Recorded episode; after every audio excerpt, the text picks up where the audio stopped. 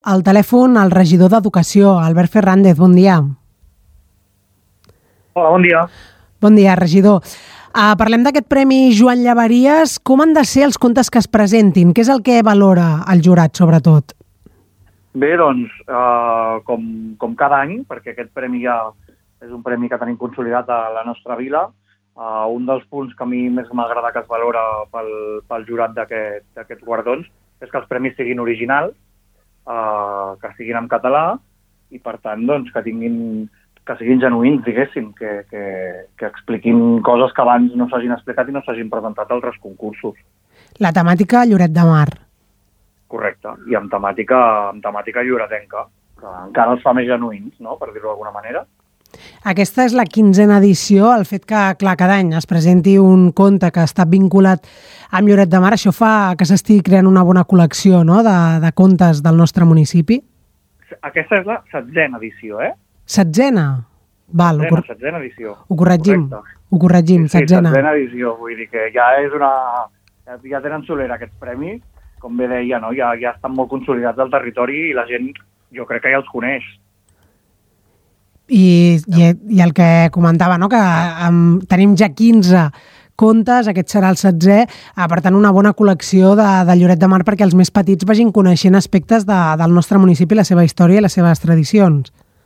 Correcte. A més, en, bueno, són uns contes que, que són curtets, són amens, per dir-ho d'alguna manera, i, i van molt bé, sobretot per això, perquè amb els més petits, amb els infants de, de la casa, als centres educatius, a la biblioteca, doncs expliquin diverses històries del nostre municipi i, i, bueno, i els donem a conèixer d'una altra manera, que llavors després de, sempre es pot reforçar doncs, anant a veure el paratge del qual parli o el monument o, o, o explicant, diguéssim, la història a la que faci referència al conte. A mi em sembla una iniciativa fantàstica, a més, durant, durant molts anys, no, no, no voldria dir només els darrers anys, perquè crec que així ha estat sempre.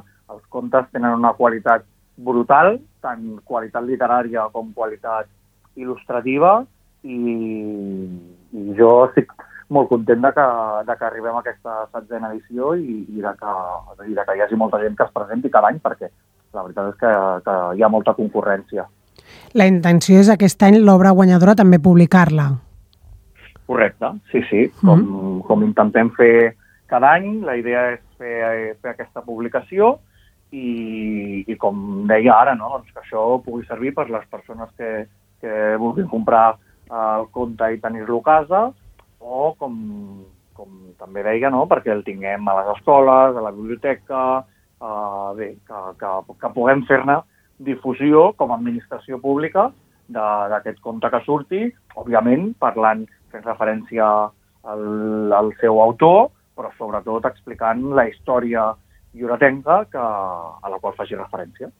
Per tant, aquest doble premi, d'una banda aquests 1.000 euros i d'altra banda la publicació del conte per incloure'l en aquesta col·lecció del Joan Llavaries.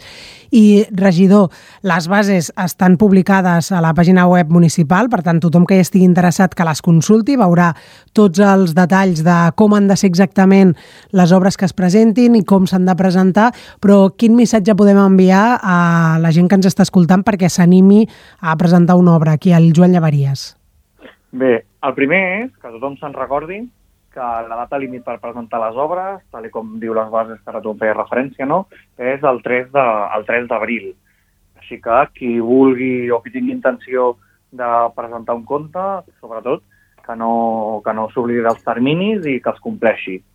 I després, home, com, com, sí, com ara apuntaves, no?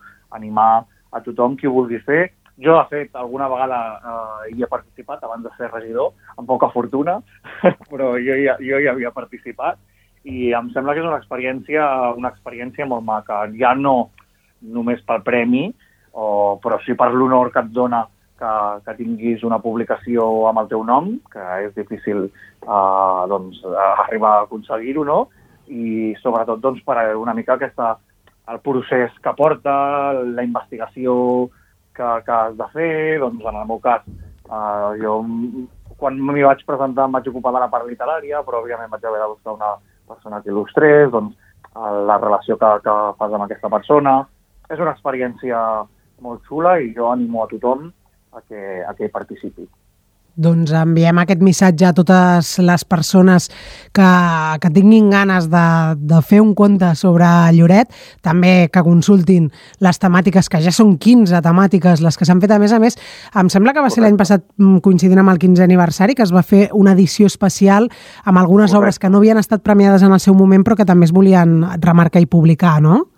Correcte, que aquesta edició també també, bueno, també va ser molt especial, també va ser molt, molt, bé, molt, molt diferent perquè eren obres, com, com ara deies, que no es van arribar a publicar perquè no van guanyar, però que també tenien una, doncs, un punt de qualitat i un nivell eh, excel·lent i per tant d'alguna manera van voler reconèixer-ho fent, un, fent una sola publicació que contenia, doncs això, ara no, no recordo exactament quantes històries era, però era una sèrie d'històries que no havien sigut premiades.